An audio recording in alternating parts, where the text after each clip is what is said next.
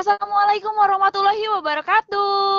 Waalaikumsalam warahmatullahi wabarakatuh. Selamat pagi, siang, sore, malam. Minggu kemarin gak pakai itu ya. Nah, uh, balik lagi nih sama kita di Ruang Guru. Gacor. Aduh. Semangat banget nih hari ini. Abis charge ya. Udah sembuh. Alhamdulillah berkat datangnya daging kurban yang berkilo-kilo ke rumah aku ya. Hmm, jadi cenghar lagi, tapi jangan lupa kalau kebanyakan makan daging nantinya kolesterol dan lemak itu menumpuk kalau misalnya kita nggak diimbangi sama olahraga dan buah-buahan sama sayuran tuh.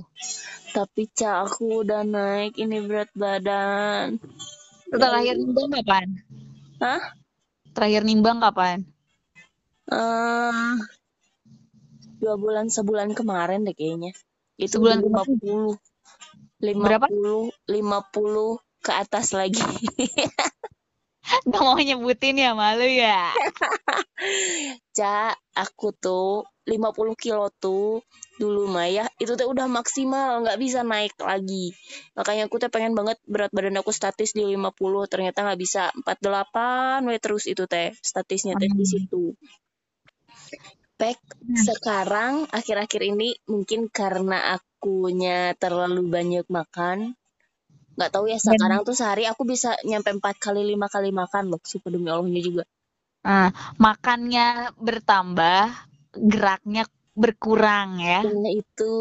Karena corona ini kan COVID-19 ini bikin aku diam di rumah akhirnya jadi bingung mau ngapain. Oh ya udah makan lagi deh makan lagi deh makan lagi deh makan lagi deh. Ya udah bayar nawe itu mah udah 50 50 ke atas deh ya udahlah Nah, makanya rata-rata perempuan yang mempunyai pekerjaan sebagai ibu rumah tangga itu jarang yang punya badan singkat tuh karena mungkin begitu ya. Keseharian di rumah beres ngerjain kerjaan rumah apalagi ya kalau nggak ngemil apalagi kalau nggak makan. Kerja hmm. lagi ngemil lagi kerja lagi ngemil lagi. Ya, itu gitu ya. Mm -mm. Jadi, Jadi apakah terpikirkan untuk menjadi ibu rumah tangga sejati tidak enggak mau. Enggak mau. Aku udah kebayang ya Allah tiga bulan empat bulan kayak gini aja udah lelah gitu. Apalagi nanti bertahun-tahun berpuluh-puluh tahun pantesan. Kemarin tuh ngobrolin ngobrolin nih katanya udah kamu kerja aja jangan diem di rumah. Gitu katanya. Terus teteh terakhir punya berat badan 50 kilo? Bulan apa sih? Berat badan berapa 50 di bawah. Di bawah 50 hmm 2019 deh kayaknya. Bulan apa tuh? Sebenarnya pas kita ke Jogja? Iya. Itu masih di bawah 50 atau udah 50 sih? Mas, masih di bawah itu. Pas ke Jogja tuh. Itu pokoknya dari pas kita ke Jogja tuh itu berat badan aku tuh udah 48 49 48 49 tapi masih naik turun Nah, di 4849. Nah, setelah itu melonjaklah ya. Iya. Setelah itu kan setelah dari Jogja kita libur nih. Uh, uh, jadi libur akhir tahun itu kan. Uh, uh, libur akhir tahun terus masuk masuk juga kan yang ngajarnya masih ya. masih jarang-jarang karena awal-awal tahun. Uh, uh. Nah menjelang Habis Februari. Itu Uh, menjelang Februari itu kan udah mulai libur sekolah ini, libur ini, libur itu, libur ini dan ternyata libur corona sampai sekarang ya udah berat badan aku langsung drastis naik. Karena hmm. olahraganya enggak, makannya ya. Hmm. Nah, perlu diketahui juga ya, Teh. Uh, jadi kita ini sudah di fase apa ya? Masa muda keemasannya itu sudah memudar dan menghilang ya karena masa keemasan wanita itu yang benar-benar terlihat langsing, cantik, e, menarik, menggoda itu stuck di 25 tahun. Setelah itu mulai memudar, memudar, memudar dan akhirnya dewasa, menua lah.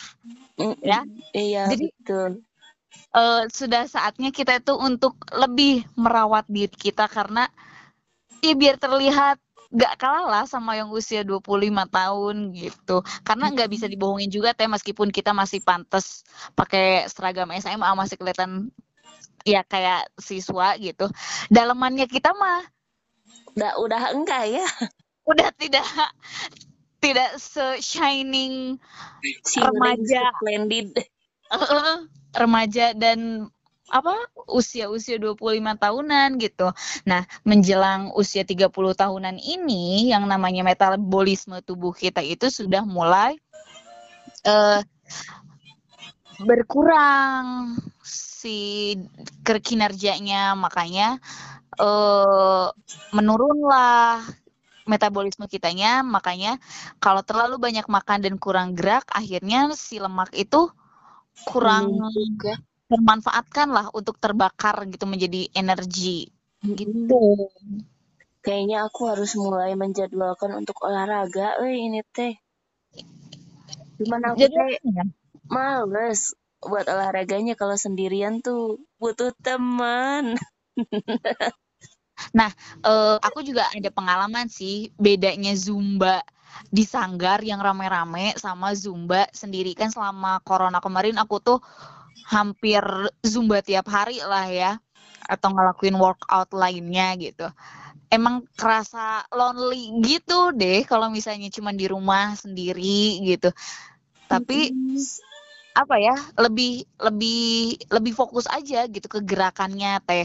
Kalau misalnya kita di sanggar rame-rame itu kan e, kemampuan tiap orangnya tuh beda-beda ya buat ngikutin gerakan si instrukturnya. Jadi kebanyakan ada yang nggak bisa atau yang ada aneh dikit kita malah jadi ketawa-ketawa gitu. Jadi capek itu capek ketawa kalau di sanggar bukan capek karena bener gerakannya. Tapi kalau sendiri kita lebih fokus lebih kerasa lah gitu bahwa keringat yang keluar itu gerakannya lah yang benar.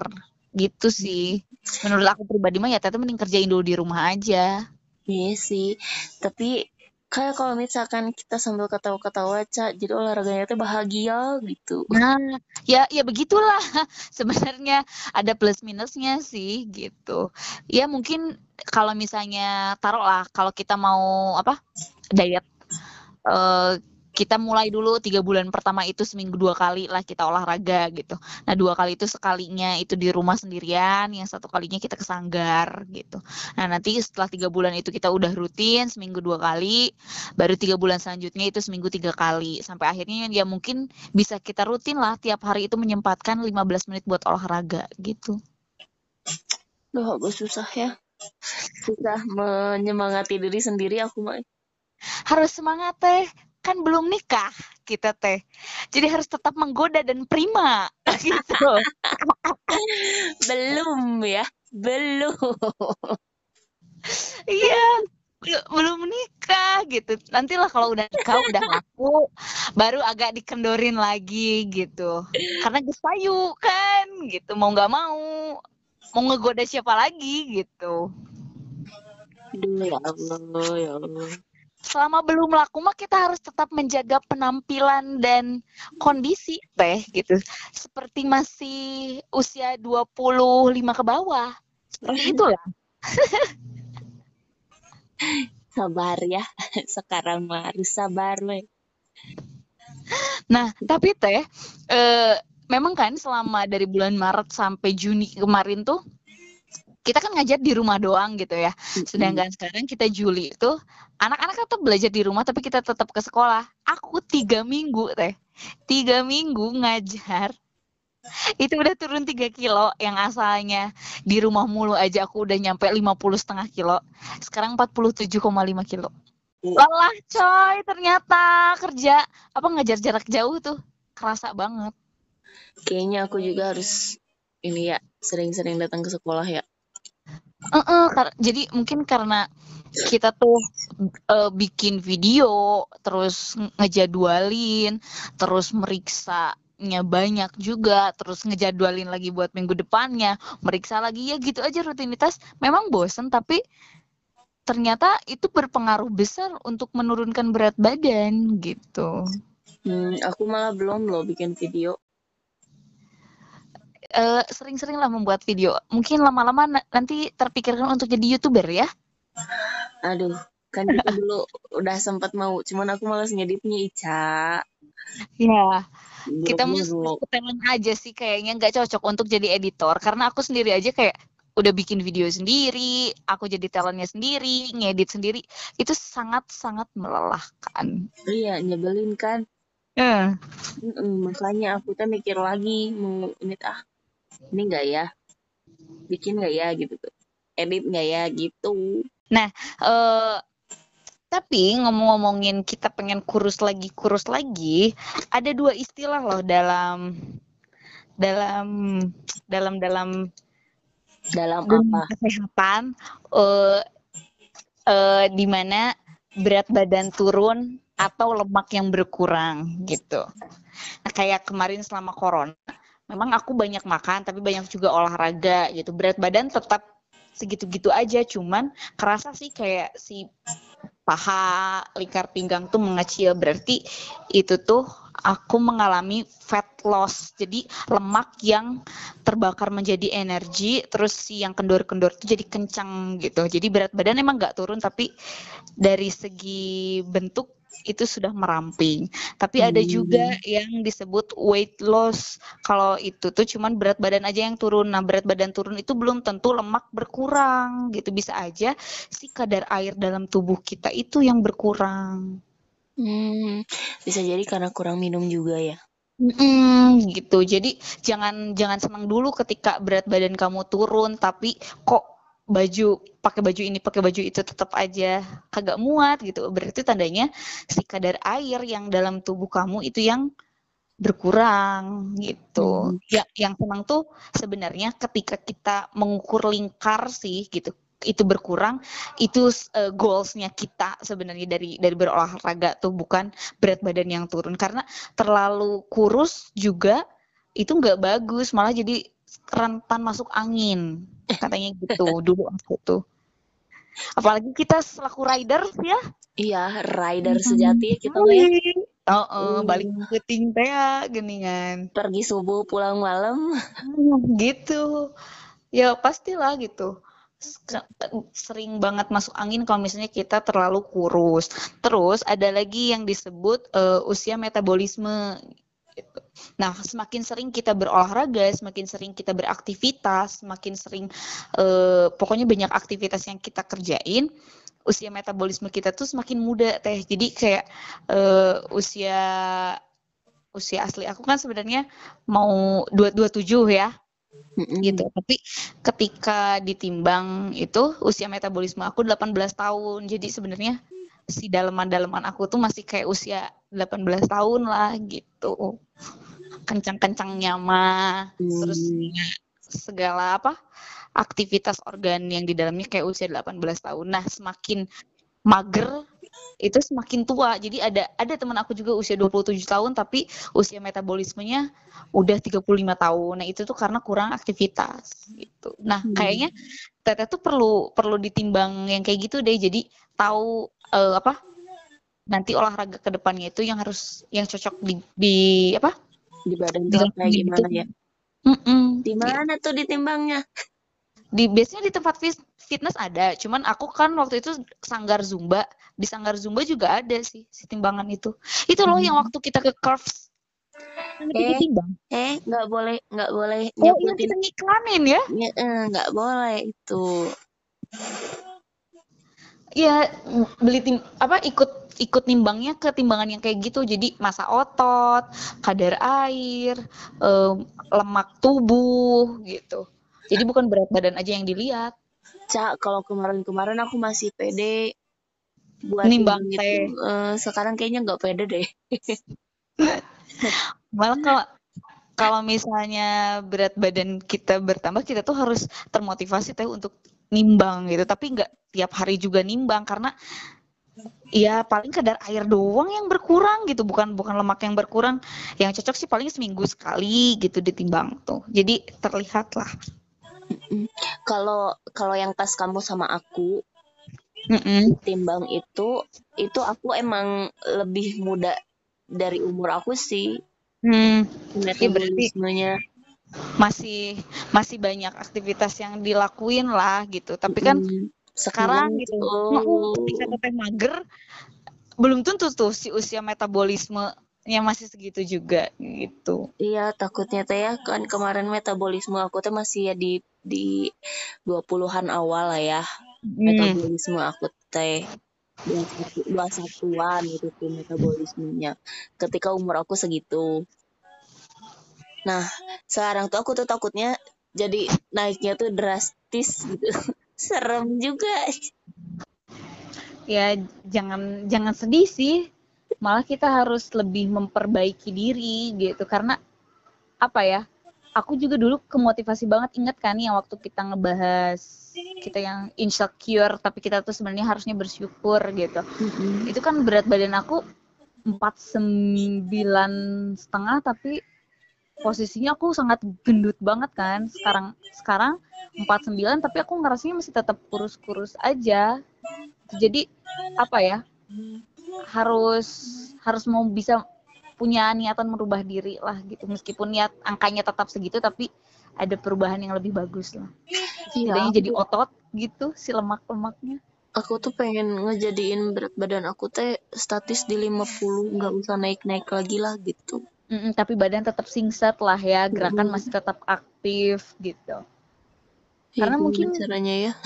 Heeh, olahraga mungkin olahraga. olahraga gitu. Ajib. Eh, kadang-kadang apa ya ketika wanita itu di usia menjelang 30 sampai 39 tahun kan itu di mana itu yang namanya puncak karirnya ya.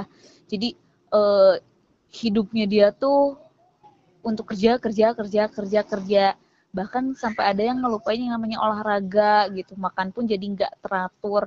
Ya akhirnya kerasa lah berat badan dan perubahan tubuhnya itu sangat signifikan gitu. Nah lebih baiknya ketika nih kita nih sebelum menjelang 30 tahun itu sudah sudah ancang-ancang eh, per minggu tuh kita harus ngelakuin olahraga apa aja gitu. Jadi supaya karir dia jalan gitu tapi badan juga tetap sehat. Ya itu itu sih. Harus. Mm-mm, karena apa ya kan modal kita mah penampilan teh. Uh mantap iya Hmm. meskipun kita bukan model bukan artis kita itu guru digugu dan ditiru gitu. Nah ya kalau Harus- gendut ya nanti anak-anak juga bodo amat si ibunya juga gendut gitu ya.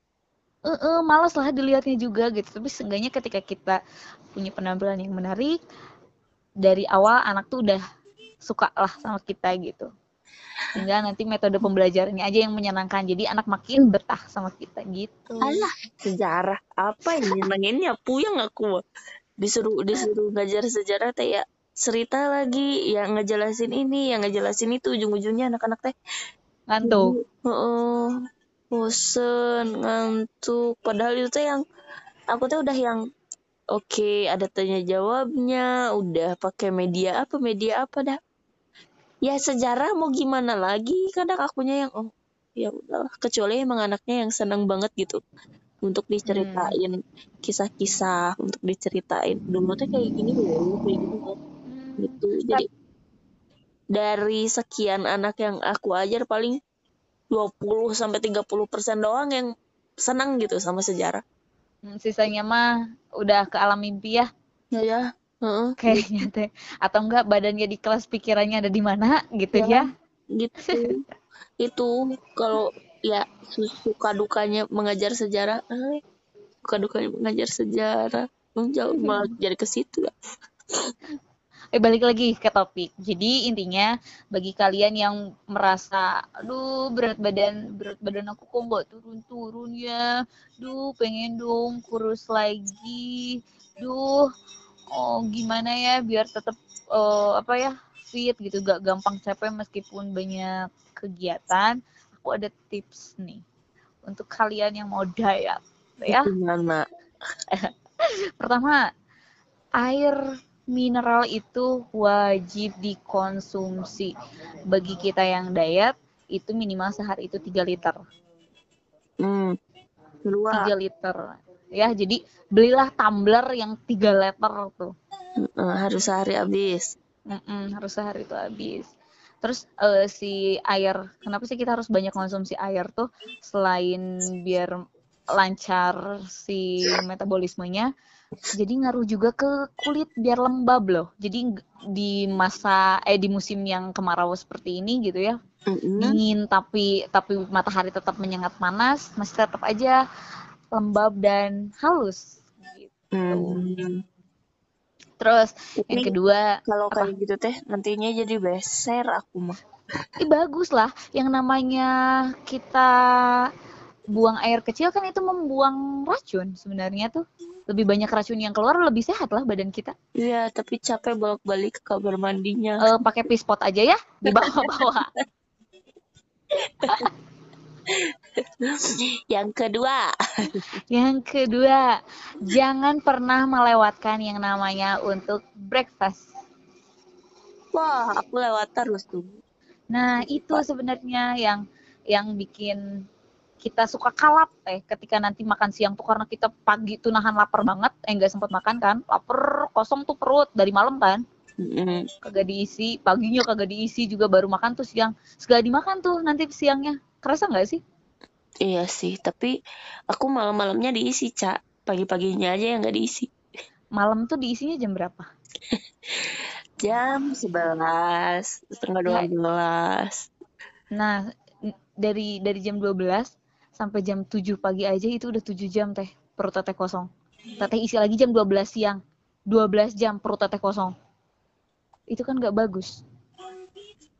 Ya, agak susah sih. Sebenarnya aku tuh pengen, pengen ngurangin makan malam, tapi Hmm. susah banget. Enggak, sebenarnya gini, bukan makanan yang kita kurangi, tapi kita lebih ke ngatur jadwal makan kita. Iya, Misal itu. sarapan. Sarapan tuh jam 7 s- eh, sampai jam 8 kita jatahin. Nah, nanti 4 jam setelah itu kita harus makan lagi teh. Cak, kan kalau dulu mah aku bener-bener ngejaga Heeh. mau makan apa pun di jam segitu gitu tuh. Mm-mm. Aku tuh selalu ngejaga jadwal jadwal makan yang teratur, berusaha untuk teratur lah, nggak teratur teratur banget, tapi berusaha untuk teratur. Makanya kenapa berat badan aku tuh bisa statis segitu, meskipun Mhm. dengan aktivitas yang naik turun naik turun naik turun gitu kan. Mm-mm. Nah kalau sekarang tuh aku nggak bisa, justru jadi nggak bisa ngejaga pola makan yang teratur karena subuh habis habis sholat tidur lagi bangun kadang jam 9 terus masak. Jam 11 tuh baru jadi jadi jam 12 baru makan. Terus setelah itu teh makan laginya teh kadang ah males. Dari jam 12 itu teh sampai jam 6 sore jam 7 teh baru makan lagi. Kadang suka kayak gitu. Makanya aku tuh bener-bener nggak bisa ngejaga pola makan lagi sekarang teh. Harus dijaga. Bener-bener kayaknya aku mah dari pola makan gitu Mm-mm, gitu. Jadi sebenarnya makan yang rutin tapi sekali makan itu tidak berlebihan. Yang benarnya kayak gitu. Terus dari dari jam dari jam terakhir kita makan 4 jam setelah itu kita wajib ngisi perut lagi teh. Karena apa? Kalau misalnya kita membiarkan usus dan lambung kita eh, tidur terlalu lama ketika nanti dia dikasih eh, isian untuk dia cerna, itu dia kerjanya sangat berat teh. Bahannya Gitu. lemak jadi menumpuk ya. Mm-mm, kasihan. Tapi kalau nah diusahain selama 4 jam 4 jam kita dari makan ke makan lagi itu kita nggak ngemil apa pun. Hmm. Jadi diamlah mulut tuh. Itu kerja, fokus aja kerja gitu selama 4 jam. Habis itu makan 4 jam kerja lagi gitu atau ngapain lagi baru makan lagi. Nah, terakhir makan itu kalau misalnya kita jam 12 makan berarti jam 4 sore nih kita makan. Setelah itu le- lewat jam 5 udah kita nggak nggak nggak konsumsi makanan berat-berat lainnya lagi teh. Kalaupun misalnya lapar, cukup minum atau makan buah-buahan aja sampai malam tuh. Terus ya mungkin jahatnya aku ya ke ke ke lambung aku sendiri.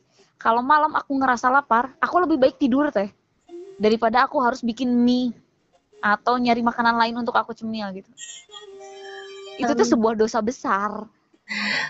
Itu itu yang kamu lakuin sekarang teh. Pas zaman zamannya aku kuliah, cah aku kayak gitu. Makanya kan body masih bagus gitu kan. Berat badan masih stabil. Ya, lakukanlah itu lagi gitu. Kalau dulu aja bisa, kenapa sekarang nggak bisa? Aduh, aduh, aduh, aduh. Ini gara-gara Yono nih ini. Nyalakan batur nih. Soalnya kan yang yang ngerubah pola makan aku teh dia Hmm, harus makan malam teh ya. nggak harus makan malam tapi makannya malam-malam memang kalau misalkan sama dia tuh jadi ya Hmm. ini bener-bener ngerubah pola makan teh susah banget Ya, sekarang kan manusianya itu sudah tidak ada ya Mm-mm. dalam hidup teteh. Kembalilah lagi seperti dahulu. Bisa susah gitu. Terus yang ketiga ya itu tadi olahraga lah yang rutin gitu. Ya minimal 15 menit dalam sehari. Ditargetin aja, misalnya bulan ini oke seminggu sekali dulu. Bulan keduanya seminggu dua kali. Gitu. Nggak usah yang berat-berat ya, sesanggupnya aja sih. Bahkan kalaupun kita orangnya yang mageran gitu, olahraga di kasur pun bisa loh. Udah banyak sih kayak eh, apa? Aku lihat di explore Instagram tuh kayak nge-share nge-share gerakan-gerakan yang fokusnya mau ngecilin paha kayak atau mau ngecilin perut kayak cuman bisa dilakuin di dalam eh di, di kamar doang. iya aku harus nyari kayaknya itu Mm-mm. aduh aku mulai pusing ini ngedenger yang kayak gini aduh aku sakit lagi nih. Begitu ya. Jadi eh, oh iya yang keempat kurangi daging yang berwarna merah. Ah, nggak bisa Termasuk olahannya ya seperti bakso, sosis. kalau bakso sama sosis aku masih bisa Ca. cuman kalau misalkan disuruh ngurangin kayak misalkan makan daging oh my god itu susah kadang seminggu teh harus gitu sekali makan itu oh my god harus mengurangi itu Gitu. ya Allah Hmm. tapi aku sempat ngikutin pola diet golongan darah Ah, gitu. Ada juga sih ya karena gak semua orang yang ngurangin eh nggak semua orang makan banyak coklat itu jadi lemak ya Mm. karena iya si golongan darahnya darahnya itu. aku dulu ngikutin pola makan golongan darah Hmm. jadi ngurangin karbo ngurangin biji-bijian tapi ngebanyakin makan daging merah Hmm. Gitu. tapi jatuhnya jadi boros banget boros seboros borosnya bener sumpah demi Allah itu mah aku sebulan bisa ngabisin 2 juta Ya, sebenarnya apa yang kita lakuin buat hidup sehat, ketika kita pikir itu mahal, lebih mahal lagi ketika kita sakit deh. Gara-gara nggak nggak nggak punya pola hidup yang sehat, gitu. Nantinya ya menyesal sendiri. Ya lebih baik kita pola hidup sehat mahal daripada kita bayar mahal untuk sehat kembali. iya Gitu. tapi tapi gaji aku sama pengeluaran aku oh my god jauhnya Berarti cari suami yang kaya. oh my god jauhnya. Si Gitu. sampai si ibu ngomong gini coba aku kalau nikah harus kaya dulu katanya. Ya buat buat menghidupi teteh yang akan menjalani hidup sehat tidak masalah ya menunggu begitu. Oh my god aku sekarang harus olahraga. Hmm. Olahraganya bukan hanya di bibir aja ya tapi coba dilakukan. Aku mau nangis. Gitu. Sebenarnya sebenarnya eh, kita tuh nggak pro ya memang dalam apa eh hi- me- apa menerapkan pola hidup sehat. ya Uh-uh. Hanya Ya ini mah kita hanya sharing aja ya pengalaman kita bisa kurus itu gimana gimana. Tuh, lebih lengkapnya kalian cari sendiri di Mbah Google ya. Enggak usah di Gitu. Google, cari sama dulu olahraga sendiri aja lah. Manfaatin ilmunya, heh. Uh, ya kalau guru olahraganya cerdas mah. kan. Otaknya adik kamu tuh in, di apa di di apa tuh namanya eksploitasi yes Pedit ada aku mah ya jadi mungkin segitu aja. Buat kalian yang pengen kurus semangat!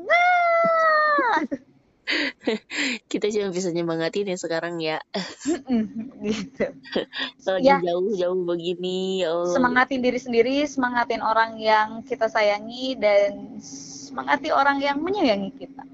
Gitulah betul agak susah sih tapi ya tetap jalani dengan lebih baik lah Hmm. hidup di masa pandemi ini biar lebih Iya. sehat nggak kena juga sama penyakit-penyakit yang seperti itu Iya, amin Amin. Oke. Jadi semoga bermanfaat ya apa yang udah kita share kali ini. Mohon maaf nih kalau misalnya ada kata-kata yang eh, menyakiti perasaan atau menyinggung. Mm-mm, terus kalau ada suara-suara yang tidak sesuai dengan semestinya Mohon dimaafkan ya. Karena seperti biasa, kita masih LDR rekaman LDR. kita lagi marahan fisiknya Oh, iya, Fisiknya tidak bisa bertemu ya. jadi mau ketemu teh ragu-ragu ya Hmm. Di mana Gitu. dan kapan itu masih ragu. Karena seperti yang kalian tahu lah covid sekarang itu makin banyak. Jadi oh my god bikin kita teh insecure mau keluar. Apalagi aku lagi sakit kayak gini insecure banget mau ketemu sama orang tuh. Gitu. Pokoknya sehat-sehat terus, bahagia dan tetap kurus. Jadi sampai ketemu ya di podcast minggu Minggu depan. depan. Assalamualaikum warahmatullahi wabarakatuh Waalaikumsalam warahmatullahi wabarakatuh. Love you, love you, love you. Hmm. Mwah. Mwah.